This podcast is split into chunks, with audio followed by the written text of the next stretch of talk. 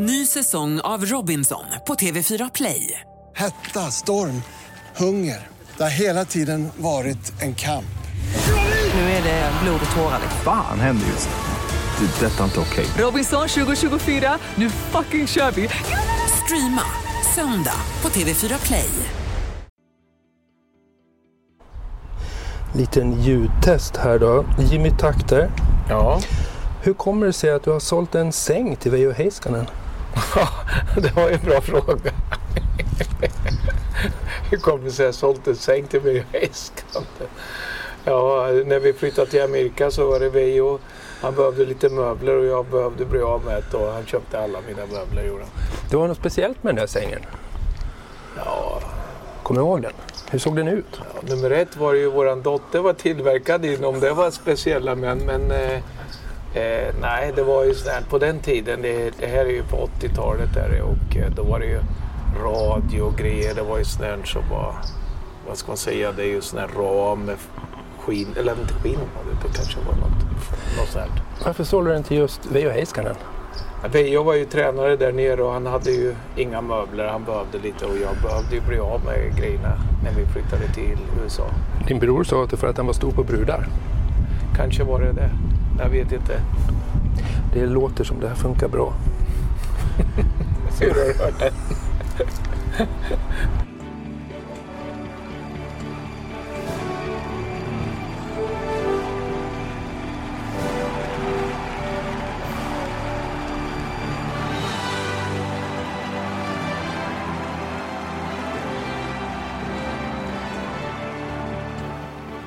Som en av världens mest framgångsrika travtränare genom tiderna behöver Jimmy Takter ingen närmare presentation.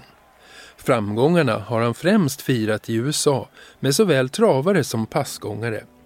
Listan över vunna storlopp som tränare kan vara världens längsta och med bland annat fyra segrar i Hamletonian och åtta i Hamletonian Oaks. Det har blivit sex segrar i Peter Houghton Memorial och lika många i Mary Annabelle. Han är dessutom främste tränare i British Crowns historia med hela 34 finalsegrar. Han har blivit utsedd till årets tränare i USA vid sex tillfällen och är invald i USAs och Kanadas Hall of Fame. I Europa har han vunnit Prix d'Amérique, Elitloppet och många, många andra storlopp och förknippas kanske mest med sagostoet Moneymaker. Som travtränare har hans hästar sprungit in över 1,3 miljarder kronor och tagit fler än 2000 segrar. Sedan 2018 är Jimmy Takter en del av Nordiska travmuseets Hall of Fame.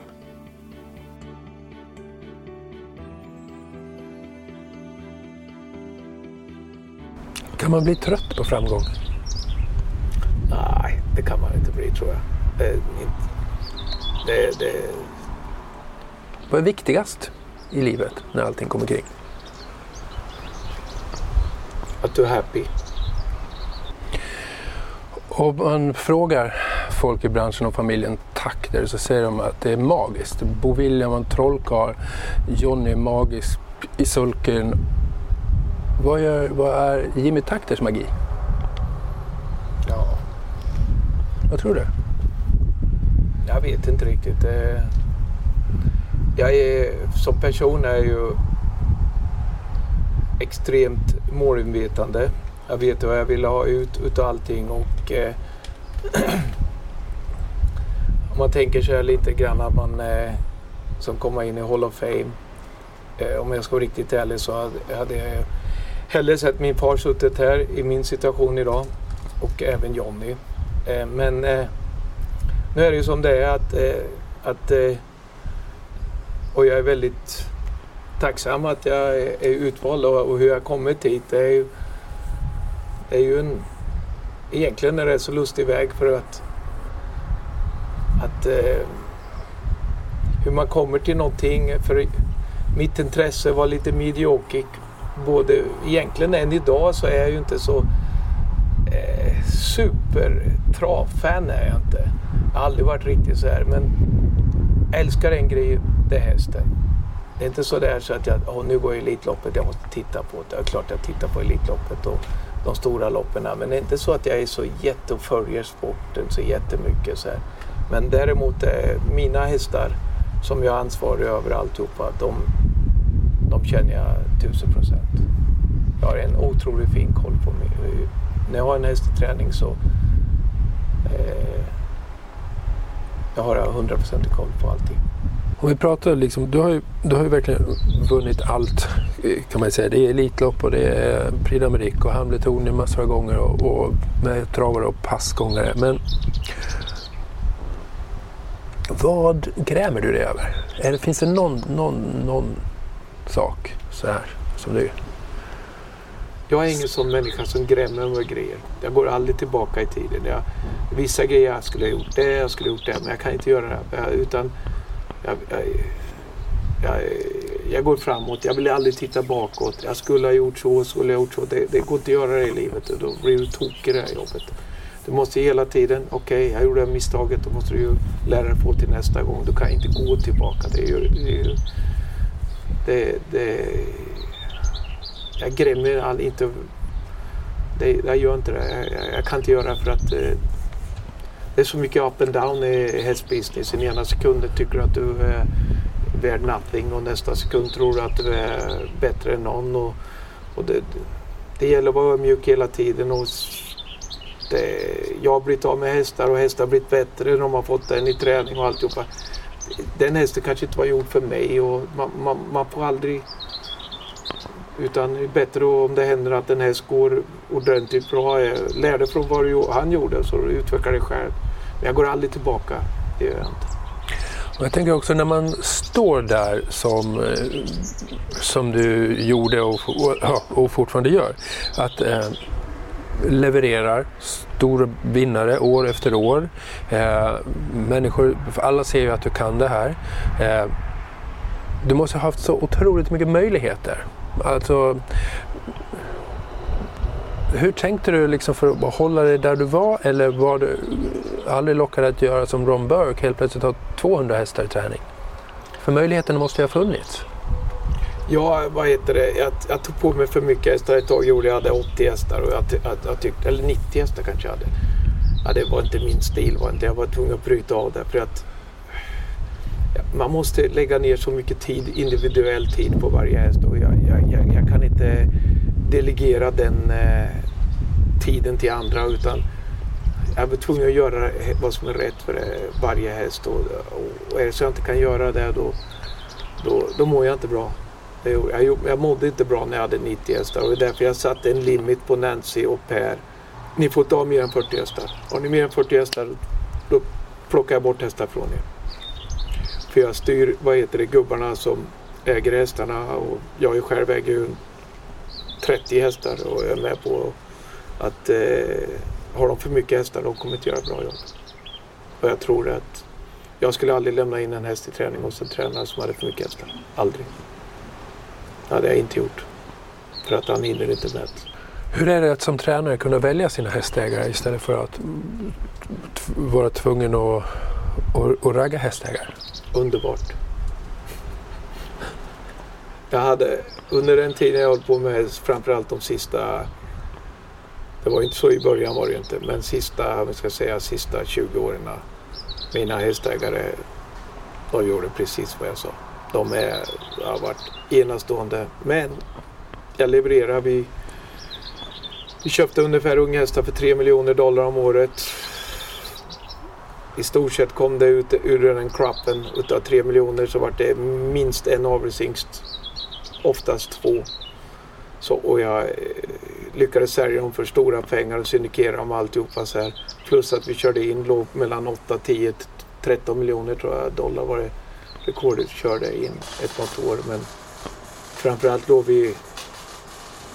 Vi hade en snitt på i hela min karriär på 13 000 dollar per start.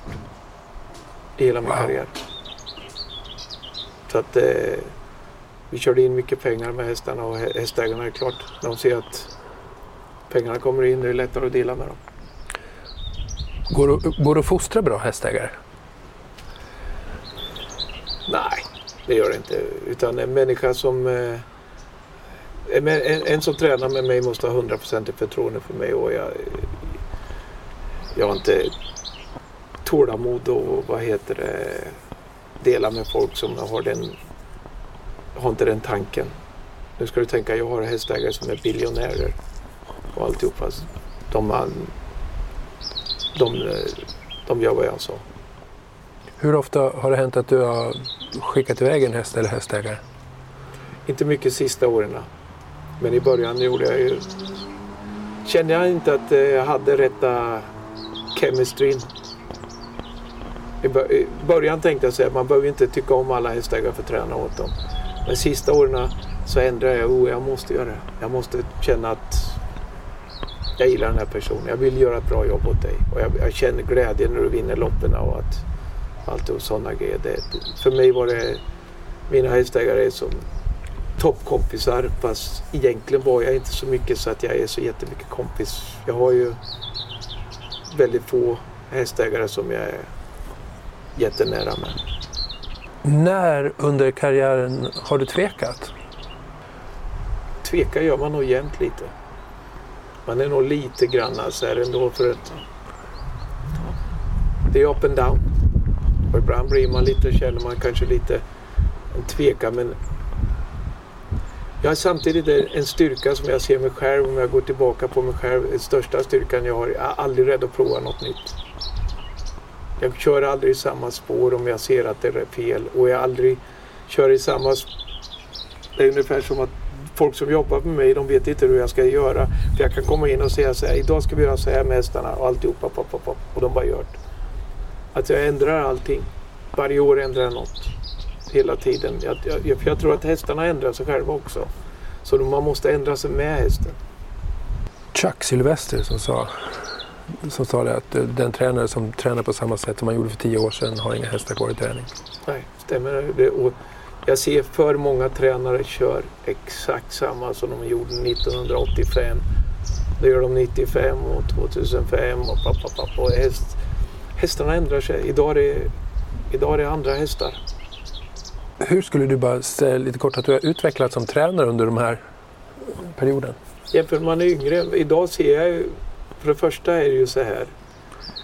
En stor grej är som, som har tränat så många och suttit bakom så många bra hästar som jag har gjort. Tyvärr är ju många tränare som aldrig suttit bakom så många bra hästar. Jag vet hur en bra häst ska kännas. I dagens läge måste en häst vara så giftig. Men jag tänkte om vi ska börja någonstans. Jimmy Takter, du är född i Mantorp. Nej, jag är född i Norrköping. Så det står fel oftast då? Ja, jag är född i Norrköping. Berätta lite om, eh, om familjen Takter. För att du har ju en av de tre stora travfamiljerna i Sverige som bakgrund. Mm. Hur, såg, eh, hur såg uppväxten ut där? Jag, jag är född i Norrköping och eh, vi växte upp, eh, jag växte upp där och eh, när jag var, jag började faktiskt första klass i Norrköping och eh, andra terminen så, eh, så flyttade vi ut till eh, en liten eh, by som, utanför Mantorp som hette Lilla Ljunga. Och eh, det var ju bara ett par kilometer på den tiden. Nu var det ju, E4 fanns ju inte då på den tiden så att det gick att köra eh, bil eh, till Mantorp över det. Nu vet jag inte riktigt hur det går till där men på den tiden var det. Men det är ju bara några kilometer från Mantorp. Hur, hur länge kan du komma ihåg att ni har haft hästar? Ja, pappa han började ju inte med hästar förrän 1967 kanske han började mera. Men 65 ägde han häst. Eller 65 var han på trav själv första gången. Så du kommer ihåg det då? Nej, det gör jag inte direkt. Gör jag inte. Eh, men eh, jag kommer ihåg tiden, om jag säger så, jag kommer inte ihåg så jättemycket. Man kommer inte ihåg så jättemycket när man är 6-7 år i Norrköping. Gör inte lite, vissa grejer. Men han insåg väl att det var inget toppenställe att växa upp eh, med barn. Vi var ju fem, vi är fem barn här vi och så växa upp i Norrköping sa han att det var inte idealiskt för familjen att göra. Men eh, så när vi kom ut till Lilla Ljunga då var jag sju år gammal och eh, Eh, då hade vi hästarna. Vi hade ett litet stall där och eh, eh, pappa var ju amatörtränare. Han hade ju också andra businesses han höll på med. Han var ju, sålde bilar, han sålde allting gjorde han på den tiden. Men, eh, men hans intresse var ju så enormt på hästarna så att det, det tog ju mycket tid utav honom. Men det var fint var det faktiskt. Det, ja, bara goda minnen där. Och dina, dina, första, dina första travhästminnen då? Eh, hur du började i stallet? Vad var det som väckte ditt intresse? Varför blev det inte bilar istället för ja, hästar? Men egentligen var inte mitt intresse så jättestort var det inte när jag var den åldern. Jag skulle tänka, jag växt, det här är ju 1967, 68. Travsporten var ju väldigt liten i Sverige. Eller lite... Vi pratade före Ego Boy här. Ja, jag kommer faktiskt ihåg i Boy. Jag kan komma ihåg den hästen också senare. Men alltså det... Travsporten var ju liten på sitt sätt var det ju. Vi hamnade inne med det med, pappa gillar ju det där med hästarna gjorde han och han eh, visade sen framöver visade sig att han eh, hade en talang som eh, väldigt få människor har. Han var ju 27 år gammal innan han såg en häst i stort sett. Så att eh, eh, det är ju inte lätt att göra det men eh, han eh, var en fantastisk eh, duktig man. Men mitt intresse själv var ju inte alls så stort på travet var det inte. Utan det var ju mera, man var ju tvungen att hjälpas åt och hjälpa till och sådana grejer. Så här. Det var egentligen min bror Jonny som var mycket mer intresserad av hästarna än vad jag var. Så att eh, det, mitt intresse egentligen kom inte riktigt förrän jag kom till Amerika första gången jag var i Amerika. Ja, och um, om vi beskriver lite bara eh, Takters rörelse som den såg ut. Ni var i, i Mantorp då och flyttade så småningom till Jägersro. Hur stort var det? Jag tänkte för dem, någon som kanske inte var med på den tiden. Men... Nej, vi hade inte många hästar. I början hade vi inte. Pappa han, han handlade med hästar, sålde och, och köpte billiga hästar, fixade ordning dem och sålde dem lite dyrare och gjorde lite affär på det alltihopa så här. Och, så att eh, det kom ju inte egentligen igång förrän, eh, ska jag försöka tänka tillbaka här, men förrän, innan han vart, eh, han träffade ju Arne Eriksson som, eh, och eh, Nisse Nilsson hette han, Stall eh, GLS, vad de hette, de var ju partners, var ju Pelle Erikssons pappa. Och han var ju, pappa var ju fortfarande amatörtränare och eh, när han började träna det, eh, Arne och Nisses hästar.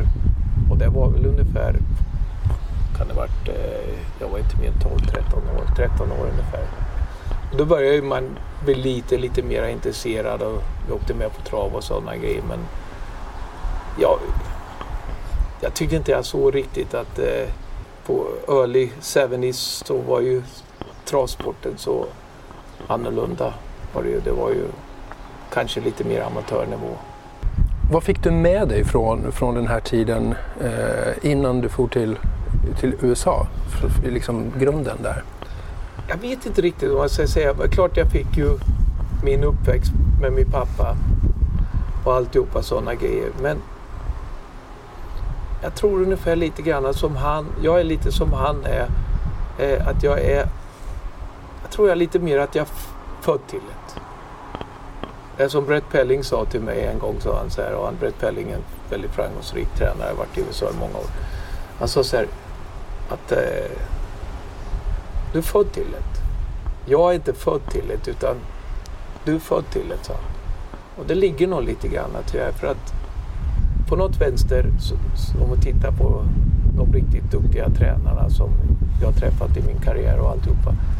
De har den där lilla naturliga känslan för det. Och jag tror inte man kan lära sig. Man, man, man kan... Eh,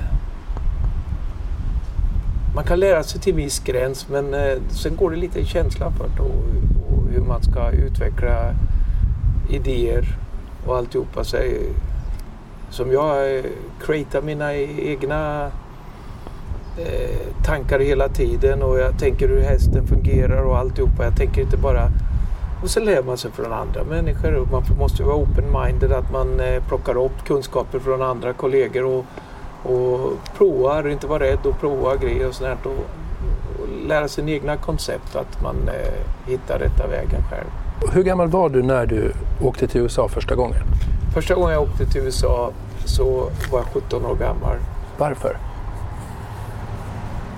Jag vet inte riktigt. Jag kan inte riktigt komma ihåg exakt varför men eh, det lät spännande.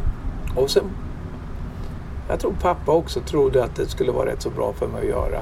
Och, eh, och jag var väldigt tacksam då. För mig och jag jobbade hos Håkan Wallner och Bernt Lindstedt eh, och Jan Jonsson. Och, de hade ett litet stall, de hade bara 20 hästar på det. Jag tror det var tredje, fjärde året de var där. Det kändes på den tiden, nu ska jag tänka det här är 1977, amerikansk travsport var ju mycket mera avancerat än vad svensk travsport var på den tiden. står lite nästan på sin höjdpunkt där med Standy Dancer Ja. och, och All- ja, alla alltså stora det- Billy Horton. Det var ju en annan eh, division om vi säger så. Och när, jag, när jag kom dit så här så att, eh, det fastnade på mig och, och framförallt mycket bättre hästar. Också. Ja, vad var skillnaden på hästarna då, tycker du? Ja, men alltså de hästarna då, som är, i Amerika idag kanske är, in- är det inte så stor kanske jätteskillnad på eh, svenska hästar och amerikanska hästar för att svensk avel har gått väldigt mycket framåt de sista 20 åren. Men på den tiden var det ju det var ju en enastående skillnad mellan uppfödare och uppfödare i Amerika och Sverige och framförallt också kvaliteten på hästar.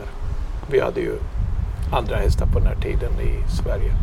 Vad lärde du dig under den första perioden då, när du kom, när du kom som 17-åring? Är man mest överväldigad över landet eller var det hästarna som...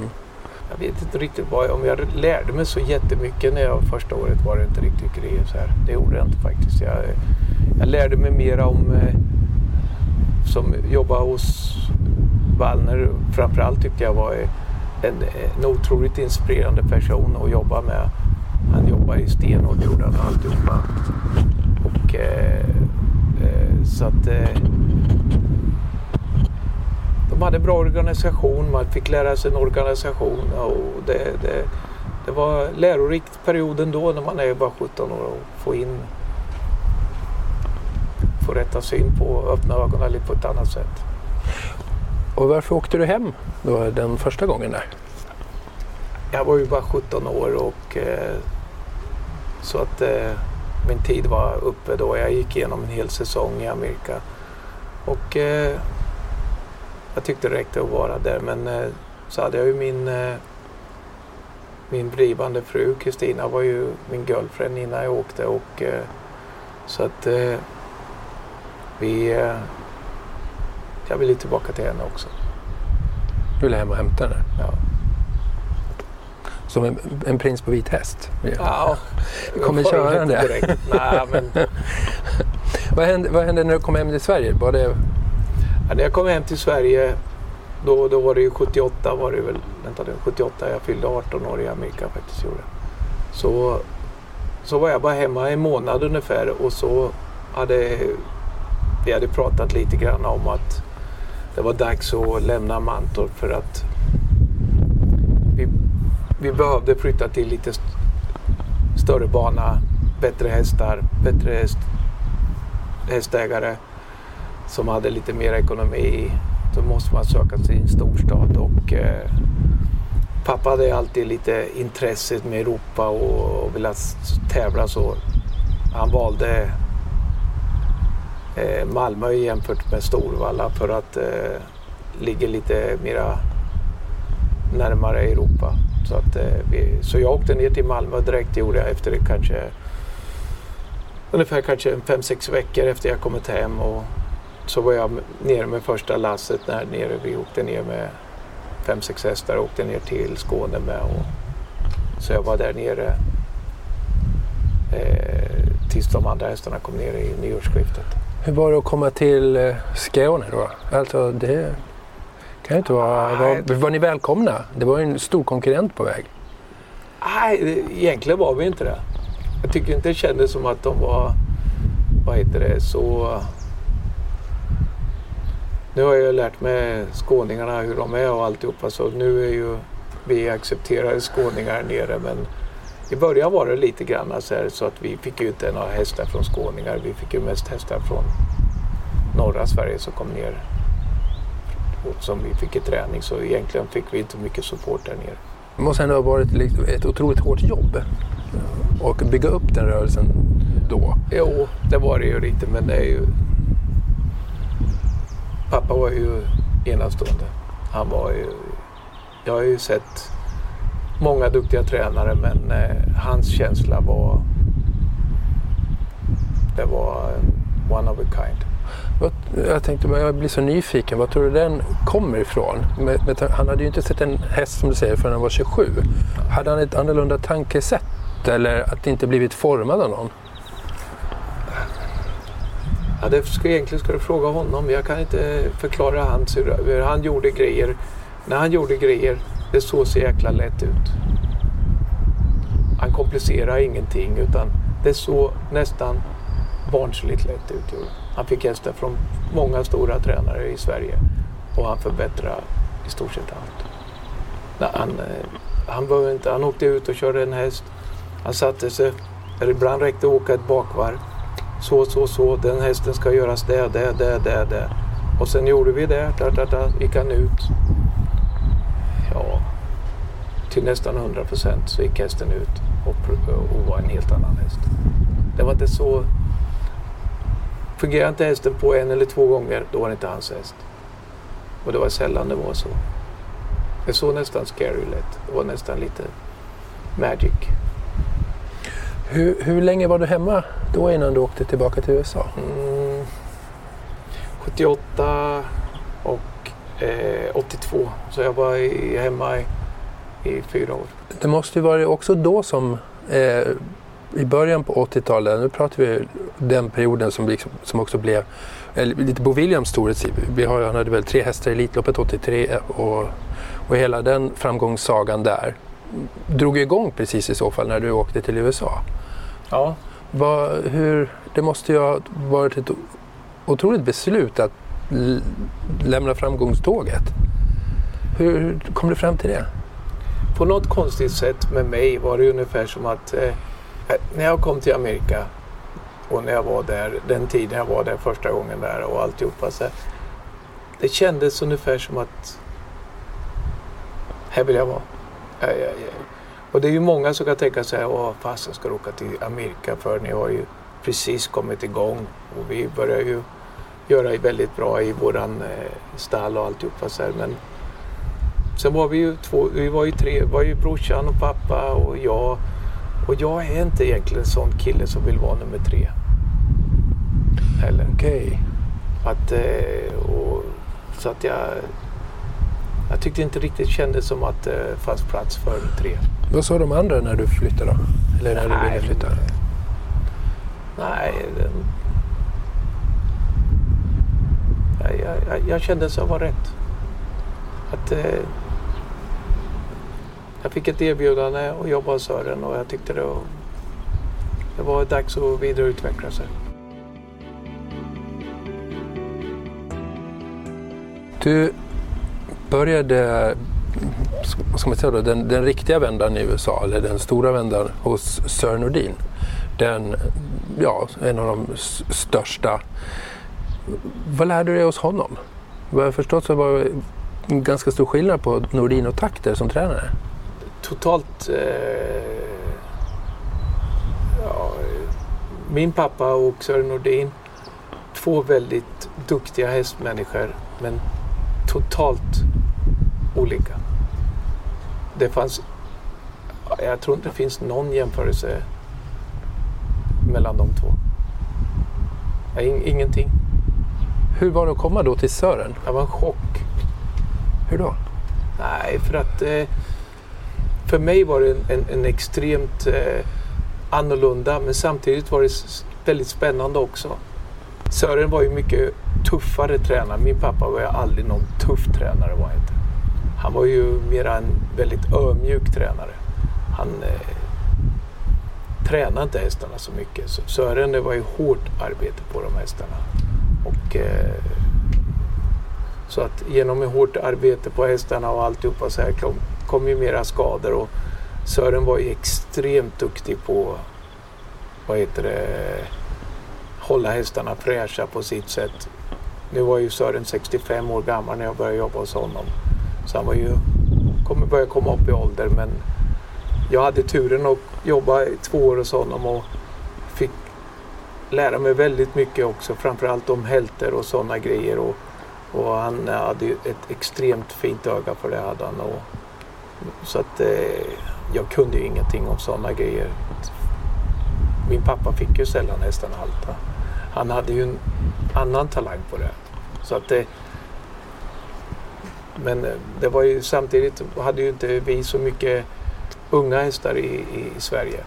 Utan eh, Sören när jag jobbade hos honom var ju enbart unga hästar och jag hade ju inte så mycket erfarenhet med tvååringar och treåringar som, eh, som jag fick lära mig med Sören också. Så var det svårt att heta takter och kliva in som andre tränare hos Nordin? Sören hade alltid en liten öga lite...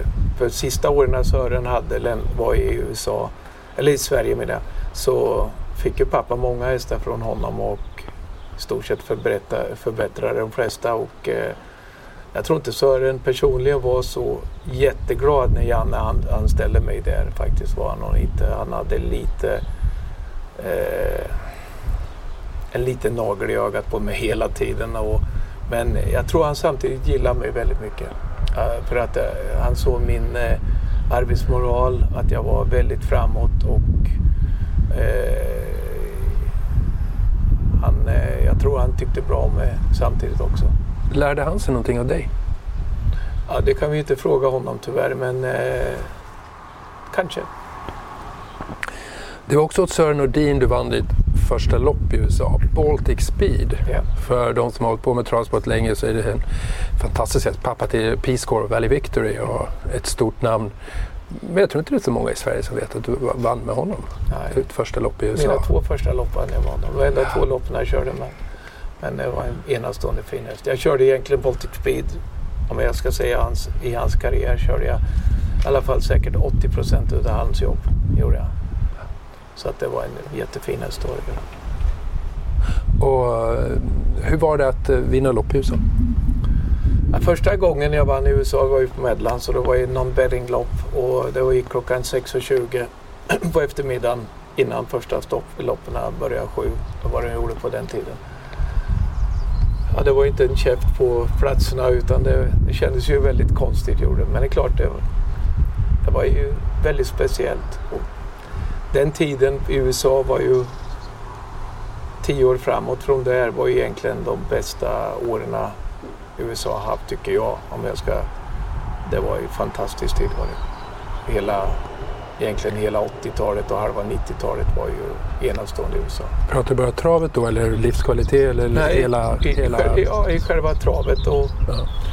Det var ju stor eh, publik och det var ju det var ju en enastående tid i USA. Så då kan man nästan säga att du har, har jobbat hos, hos alla de stora då? Ja, jag, jag, jag tycker att eh, min base när jag började själv så tycker jag att jag, jag var väldigt tacksam. Två år hos Sören och Janne.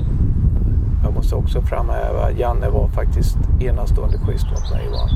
Han var toppen mot mig. Och, gav mig chansen att köra lite lopp och sådana grejer. Han var, han var toppen var Janne faktiskt. Eh, så att, eh, och sen även eh, var jag tacksam på tiden jag var hos Continental Stable. De var ju Wallner, Lindstedt och Jonsson där. Det var ju också en, en bra... De hade en enastående bra organisation, fick lära sig mycket där också. Så att, och sen min pappa, så att jag när jag började själv så tycker jag att eh, jag hade absolut den bäst tänkbara base education vad jag behövde. Det var bara Stig som saknas då? Stig hade ju varit intressant och varit också hos han eh, var ju i sin prime var ju, är ju en eh, enastående vad heter det, person och hade varit väldigt intressant och lagt en tid med honom också. Du väljer att som ganska ung bli egen tränare. Hur växte det beslutet fram och vad fick dig att, att att satsa på det? Det kom ju lite grann. Jag hade faktiskt inte tänkt det. Här är ju andra år. Jag har jobbat två år och Sören gjorde jag och Janne. Och eh, Sören börjar bli lite, lite för eh, ansträngande på mig. Jag läste i tidningen står att jag fick sparken av Dean och det stämmer absolut inte. Jag fick inte någon sparken utav dem. Utan däremot eh, eh, sa jag upp mig själv för jag tyckte att eh, jag tyckte Sören var lite för oschysst mot mig. Han var lite, lite... Det kändes ungefär som han inte ville att, eh, att jag skulle vara kvar där längre. Och att, eller jo, han sa det att, att han ville att jag skulle vara kvar där men jag, jag sa åt henne att det är nog lika bra att, vi, att jag slutar här för att, att eh, du vet själv. Nu känner jag att, att det inte är Ja. där. Då är det dags att gå. Så det kom lite snabbare än du hade Det tänkt var dig då? då? lite snabbare var det. Jag var bara 24 år gammal och eh, vi hade två barn. Hade vi då. Vår andra flicka är född i USA. Vår första flicka Nancy är född i, hade vi med oss när vi åkte till, till USA. Och, eh, men jag hade tre hästar som jag hade vid sidan själv. Som jag höll på med på kvällarna och sånt. Och det var två passgångare och en travare. Hur klarar ni er ekonomiskt då? Det måste ha varit otroligt tufft med, med två barn, USA, gift och, och, och så. Ja, det var, det var jäkligt kämpigt var det. Men eh, man behövde inte så mycket. Utan eh, min fru är ju enastående och eh, kunna driva businessen. Hon har ju skött egentligen all min business ekonomiskt och se till att allting fungerar och sådana grejer. Så att eh, hon var 24 och hon var bara 21 år då gammal och man behöver inte så mycket. Man, man kan leva lätt. Men vi kämpar hårt. Det var hårda år var det. Hade du, du sa att du hade eh, tre hästar på sidan om där. Var det bara liksom att ta dem i grimskaftet och hitta ett nytt ställe eller vad gör man? Nej, jag hade dem på... Jag vet inte om du har varit i Pompan. På, på den sidan var det ju då. tävlingssidan och sen var det ju träningssidan. Och eh, jag hade tre boxar som jag hyrde utav en, eh, en amerikansk tränare, Nick Salvi, som jag fick låna tre boxar av. Var det med eller utan alligatorer? De kunde ju vara där ibland.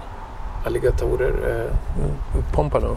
Krokodiler? ah, ah, alligator. Alligators, förlåt. Vad sa jag då?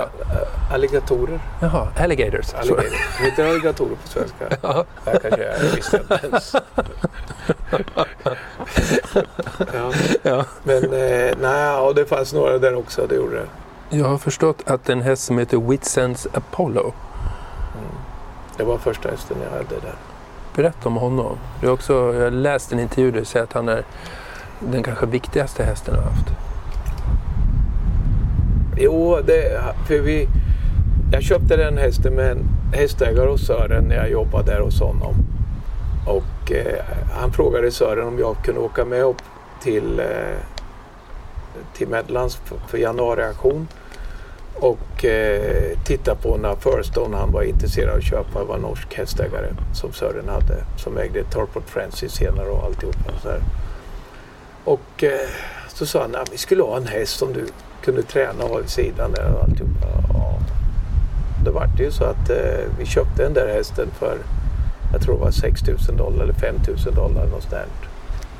Och, eh, men han betydde mycket den hästen för att sen när jag slutade hos Sören, jag hade ju den hästen i, i under tiden jag jobbade hos Sören så jag köpte den rätt så tidigt gjorde jag.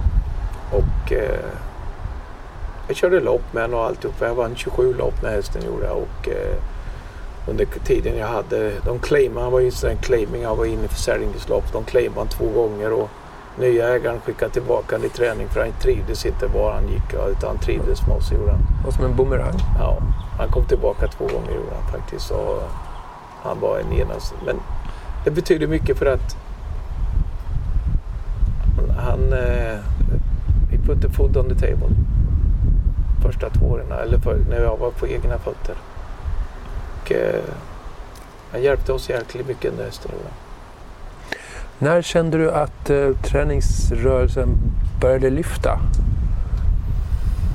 Det var kämpigt hela tiden. Jag fick ju en hästägare som kom efter några månader som heter Bob Key. Och han är ju, har ju mycket hästar, alla Key-hästarna. Han ägde ju bland annat American Winner senare och alltihopa. Många bra, bra hästar han Och han började skicka hästar till mig och alltihopa. Och, så att, eh, men det var en tokig gubbe var det. Han var ju helt galen i huvudet. Hur då? Ja, han var ju Du småler lite. Ja, han var inte världens snällaste man. Men samtidigt gav han ju hästar och hade eh, börja med honom där och alltihopa så här. Och jag fick hästar från Billy Houghton och Billy Houghton skickade egen häst till mig som jag hade. Och eh, det började smyga på sig lite bättre hästar och man börjar få lite mer känsla och lite mera... Billy Houghton skickar till en, till en ung nybliven tränare. Det är ungefär som om Stig skulle skicka till Oskar J Andersson idag här i Sverige kanske. Det kan man säga. Framförallt också var en, en eh, komma från ett annat land också. Men, eh, men eh, sådana grejer glömmer man inte bort att men Billy Auto var ju en enastående person. Alltså. Att, eh, jag hade, när han dog, Billy Auton, hade jag faktiskt tre hästar som han ägde träning åt den.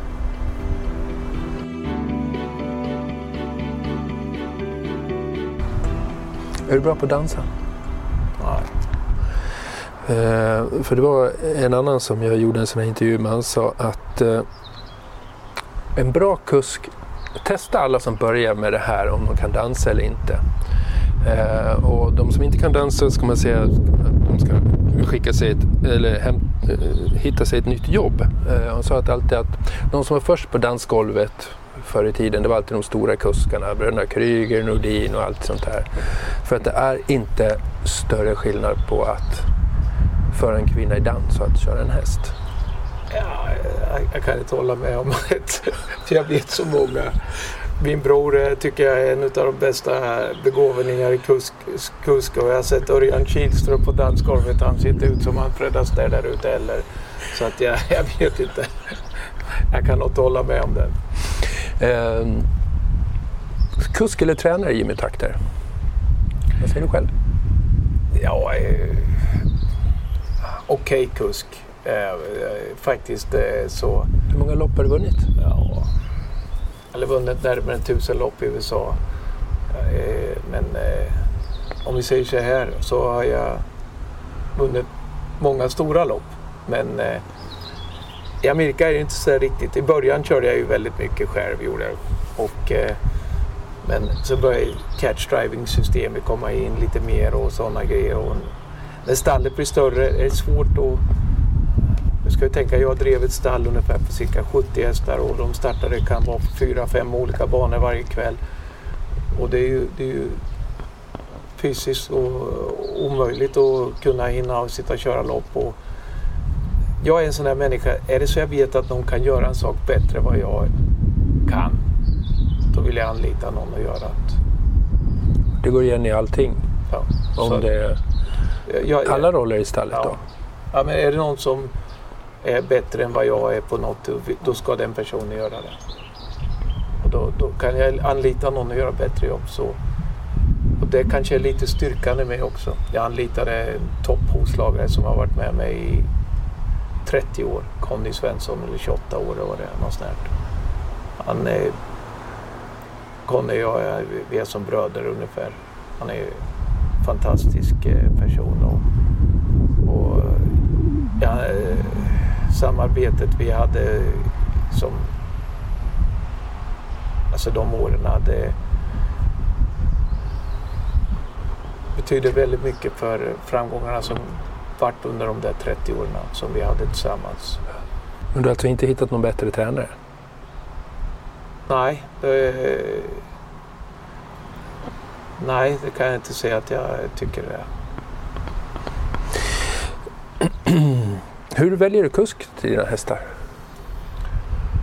sista åren, men jag har ju haft massa kuskar jag gått igenom. Ron Pierce hade jag i många år, David Miller och eh, allihopa. De var ju lite första kuskar och sen senare åren har ju varit Jannik Ingras har ju kört väldigt mycket åt mig. Men jag kan ju alla kuskarna i Amerika. Jag vet deras svagheter, jag vet deras styrka, jag vet hästen och vad den passar för den hästen och vilka hästar de passar för. Och jag försökte alltid se till att jag hade rätta kuskar på hästen. Passgångare eller travare? Det har ingen betydelse för mig. En uh, a great horse is a great horse och det har ingen betydelse om det är en passgångare eller travare. Det, uh, det make no difference. Är det enklare eller svårare än något utav dem? Passgångarna har sin teknik också. Det, har det. Det, är, det är inte bara att slänga på bara hobbes och tro att man kör utan det är också jag utvecklade, jag började med passgångare. Egentligen var det första hästen var en passgångare jag hade men sen höll jag med, med travarna i säkert i ja, till sista 20 åren höll jag på med passgångare med kvalitet. Och eh, har i stort sett vunnit alla major passgångarlopp också och eh, tränat världens snabbaste häst och flera stallions och alltihopa. Så, så, men eh, jag lärde mig hela tiden att utveckla också passgångarna. Det, det, är inte, det, är inte, det är lite svårare än vad man tror också. Berätta, vem var You At Peelers? See At Peelers är ju en häst som, eh, som eh, vi födde upp, Kristina och jag. Och, eh, var en fantastisk mär som hade 25 eller 26 raka segrar. Och var ju i alla fall bäst två, treåring i landet. Ja. Som vi hade fött upp också. Jag köpte mamman gjorde jag på auktion. Ja, och angående mamman där, hur köper man en ett passgångar sto avelsto för 55 000 dollar av misstag? Ja, det var inte egentligen misstag utan eh, min hästägare, så jag köpte med den för 120 000 eller 150 000 gjorde jag tror jag. Åt hästägaren. Och, eh, hon gick sönder som tvååring, mamman gjorde hon och eh, tävlade som treåring, kom tillbaka och tjänade ungefär 130-140 000. Och ägaren ville sälja henne, försökte sälja henne privat för 150 000 och eh, fick inte någon ny på det så han omstoppade henne i auktion. Och jag sitter på auktion och eh,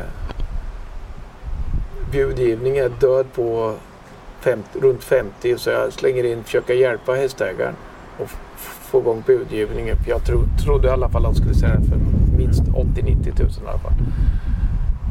Och pang sa det så var det min häst. Så ägaren kom upp till mig och jag tänkte säga ah, jag köpte tillbaka hästen. Men han sa bara Thank you Jimmy.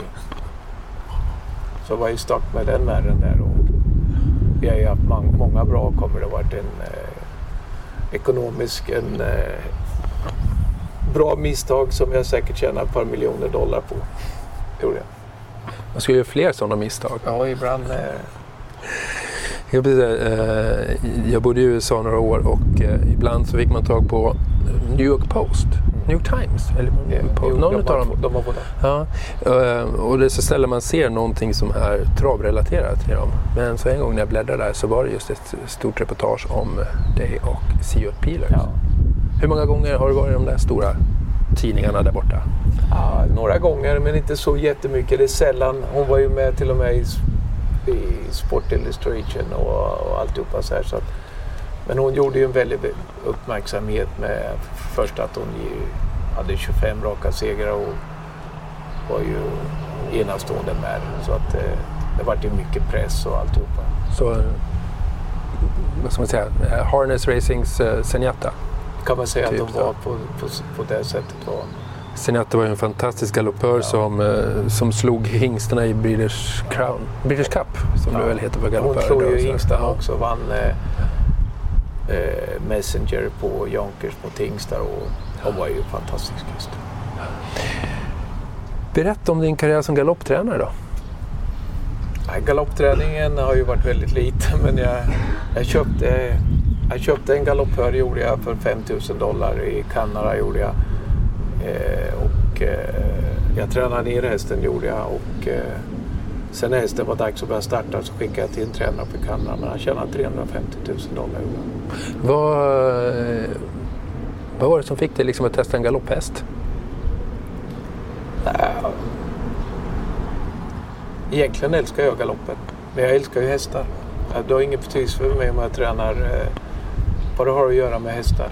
Och, hade jag varit lite yngre så hade jag, och jag har fått stora erbjudanden att gå in i galoppen. Om man tar till exempel i Frankrike så är galopp och travfamiljerna ofta de samma. Det, hur ser det ut i USA? Nej, det är totalt olika. Är det, jag har inget samarbete direkt. Har jag inte. Men i vintras hade jag ju varit lite grann, jag hade äran att träffa det absolut de största, bästa tränarna. Och jag spenderade en hel morgon med Todd Fletcher, det gjorde jag i vintras och det var väldigt intressant det också att göra och se deras och alltihopa. Men jag gillar galoppen, jag, jag tycker. I Amerika är galoppen så... Det är ungefär som jag lite... Det är lite mer exciting för mig än kanske travet är idag. Så um, Kentucky Derby om några år? The most exciting two minutes in sports? Ja, det... Skulle jag hålla på med hästar igen så är det större chans att jag börjar med galoppen än när jag börjar med trav.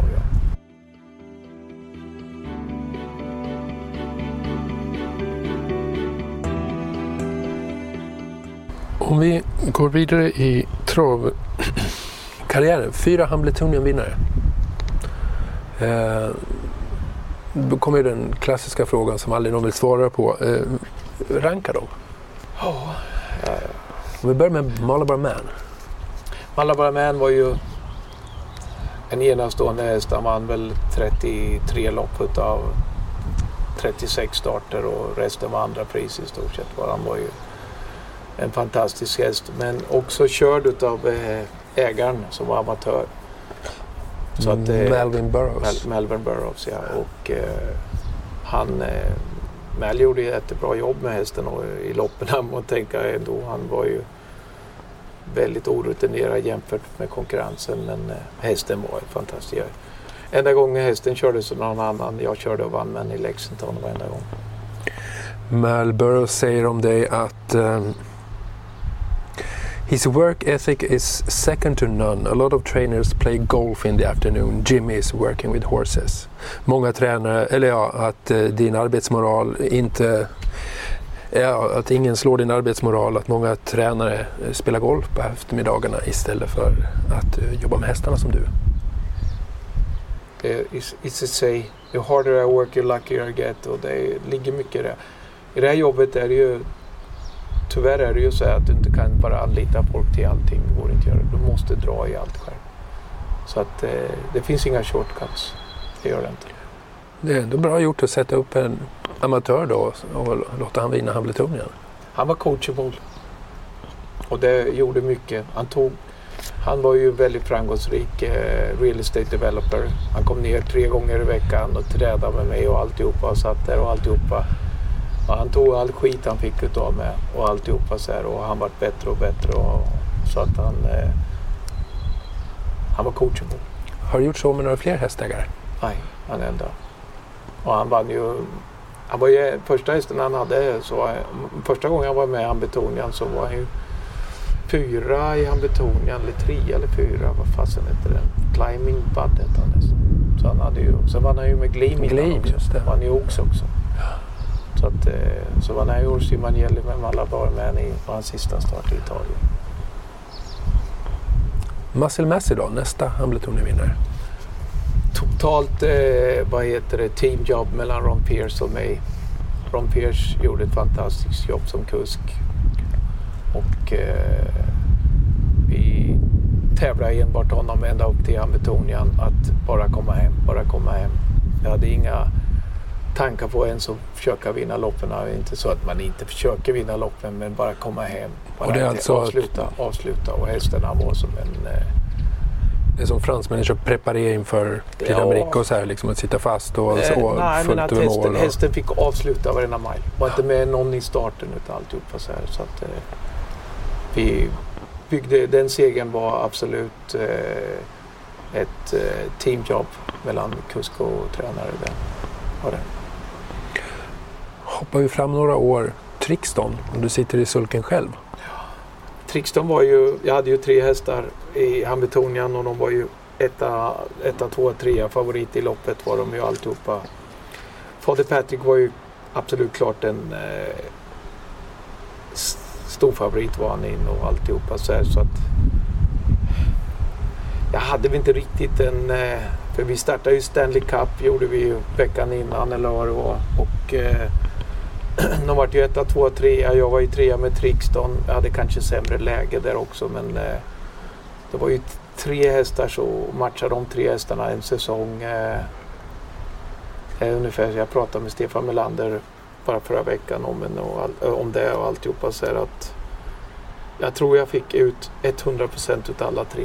Och alla tre alltså, slutade Trixton behövde den segern för att eh, han var ju den som var mest strulig på sitt sätt för han hade mera ofräschhet och sådana grejer. Så att, att han fick vinna han betonade det stampade honoms greatness också.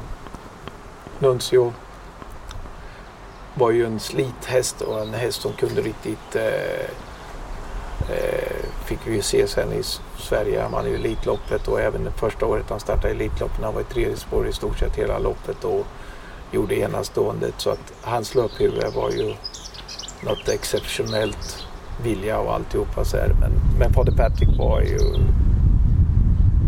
eh, totalt överlägsen men han galopperade i starten. Så att det var ju inte...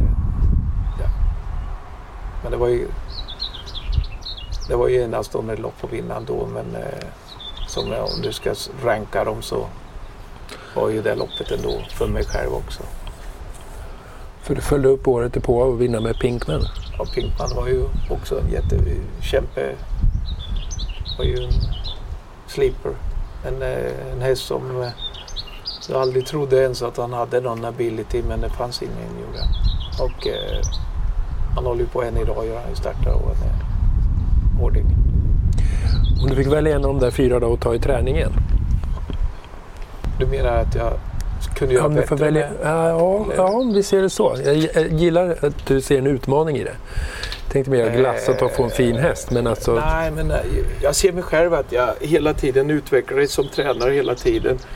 Visserligen är det ju inte så många år sedan, jag vet inte vilket, 2014 så att det är ju upp fyra år. Men jag tycker själv att sista fyra, fyra fem åren så har jag själv blivit mera... Framförallt har jag blivit extremt duktig på hälter och lokalisera hälter. Jag tror att det har blivit... Eh, för varje år så går jag, det är i stort sett vad jag gör, enbart jag gör idag. Jag hjälper ju Per och Engblom och min dotter Nancy med... Det är inte så mycket att jag gör så mycket i deras men jag, jag är har blivit enormt duktig på att lokalisera hälter på hästar. Och jag tror att jag kanske har kunnat hjälpa Trixton lite. Hade jag kunnat hjälpa honom lite grann, så här, lite. För han hade en sån enastående eh, kapacitet och jag fick inte riktigt, riktigt ut 110 procent vad jag tycker jag skulle vilja haft av kanske på fräschheten. Berätta om Moneymaker. Vad betyder hon för dig? Moneymaker eh, kanske är den hästen som måste man säga internationellt också betyder extremt mycket för mig. Att eh, bara, eh, inte bara i USA utan eftersom hon fick ju vinna Elitloppet och Prix d'Amérique och i stort sett alla storlopp i Italien och, och allting. Det klart en sån häst det finns bara en moneymaker. Jag har haft hästar som är mycket snabbare moneymaker och alltihopa. Så men hennes hårdhet och i stort sett aldrig disappointed you. Alltså hon, en underbar häst var det. Vad, eh, vad minns du bäst från Elitloppssegern? Ja, Elitloppet eh, var ju något helt enastående. Man, Conny och jag, vi stod ju på innerplan och så, loppet och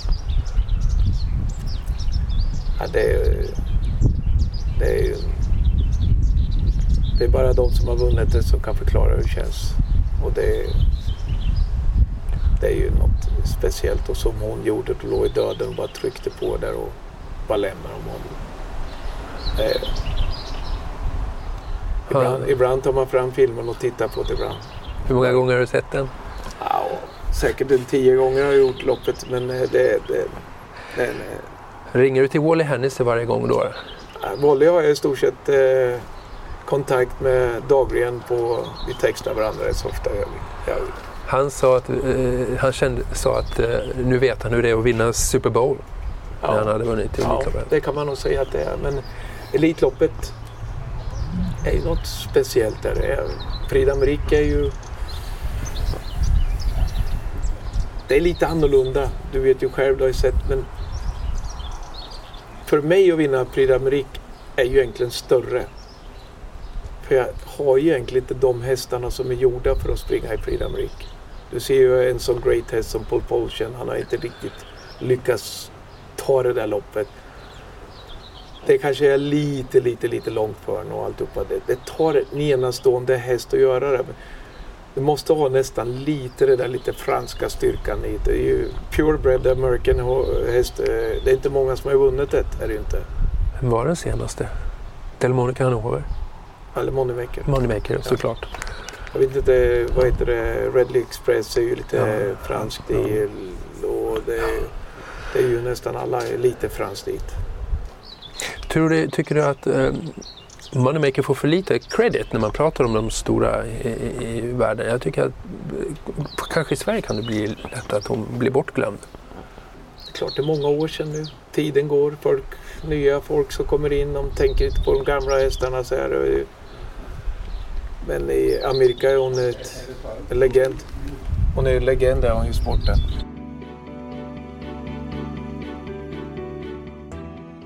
Under, ehm, under de här framgångsrika åren, hur såg stallet ut? Hur fungerade det? Hur var ditt upplägg? Så. Vi hade en bra... Som en, en major decision jag gjorde också 15-20 år sedan gjorde jag ju. Jag anställde... Det, det har ingen betydelse egentligen hur duktig tränare är om du köper fel hästar. Så att jag anställde Per Söderberg. Också en kille som jag tycker om och vad heter det, framhäva i, i min karriär också.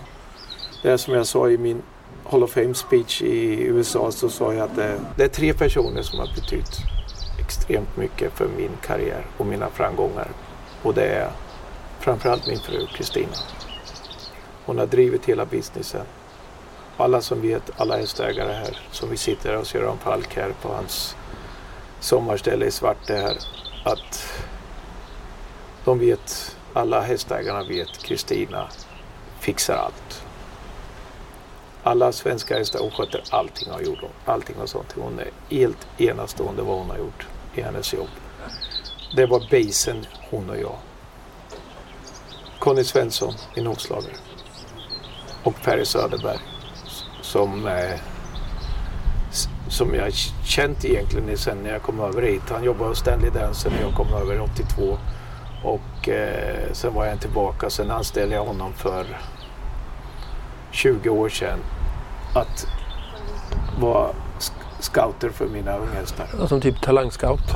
Okej. Så han eh, jobbade med att eh, åka till alla farmer. Och så vi, sista tio vi utvecklade mer och mer. Han var heltidsanställd och bara tittade på unghästar åt mig.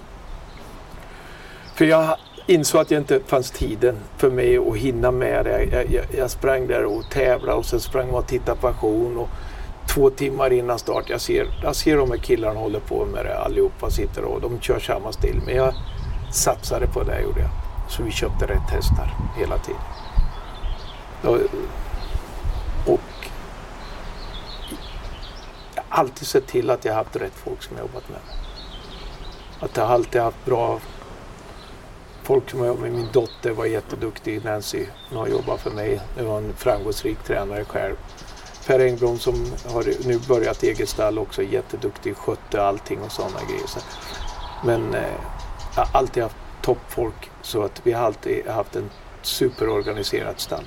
Och det är, det är jäkligt viktigt och det, det är därför man är framgångsrik. Varför gillar du citat så mycket?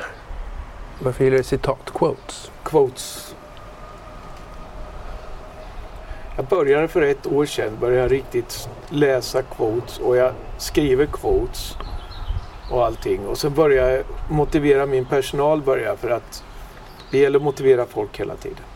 Så jag hade ju eh, eh, som vi hade hela stallet hade en eh, eh, satt upp på Whatsapp att de hade alla, om det var en update, vi ska göra så allihopa. Tar, tar, tar. Och så började jag lägga till en kvot varje dag. Gjorde jag. Skrev en kvot till dem och alltihopa så här. Och motiverande och alltihopa. Ja. Klart de tycker och vi har ju mycket Spanish spoken people working for us also så jag fick jag även göra translated på Spanish. Men sen började jag också lite grann så här, börja med mina vänner och alltihopa. Så nu är den listan och uppe på 150 människor som jag skickar en kvot till varje dag. Varje dag? Oh, Varje det är en dag. automatisk lista. Jag får skicka varje en, en, en. Och, eh, men det är också lite grann, för mig har det varit väldigt bra som, ta en kille som har betytt extremt mycket, som inte vi har nämnt här i vår diskussion, men den människan som betydde fantastiskt mycket för mig i min karriär i Öli. Och det är Johan Diden.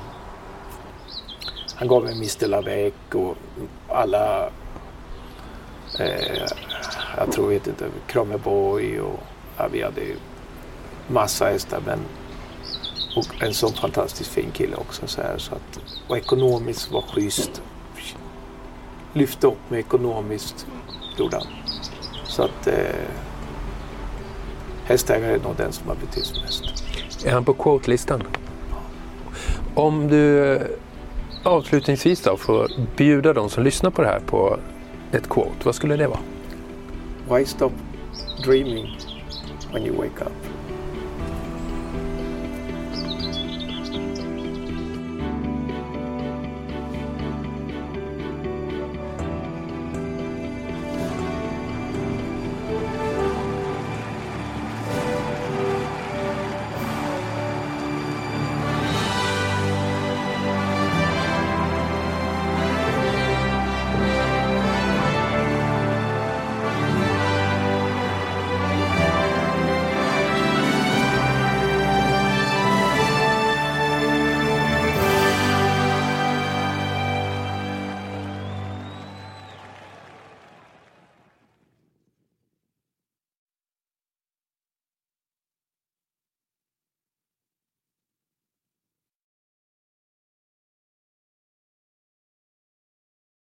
Ny säsong av Robinson på TV4 Play.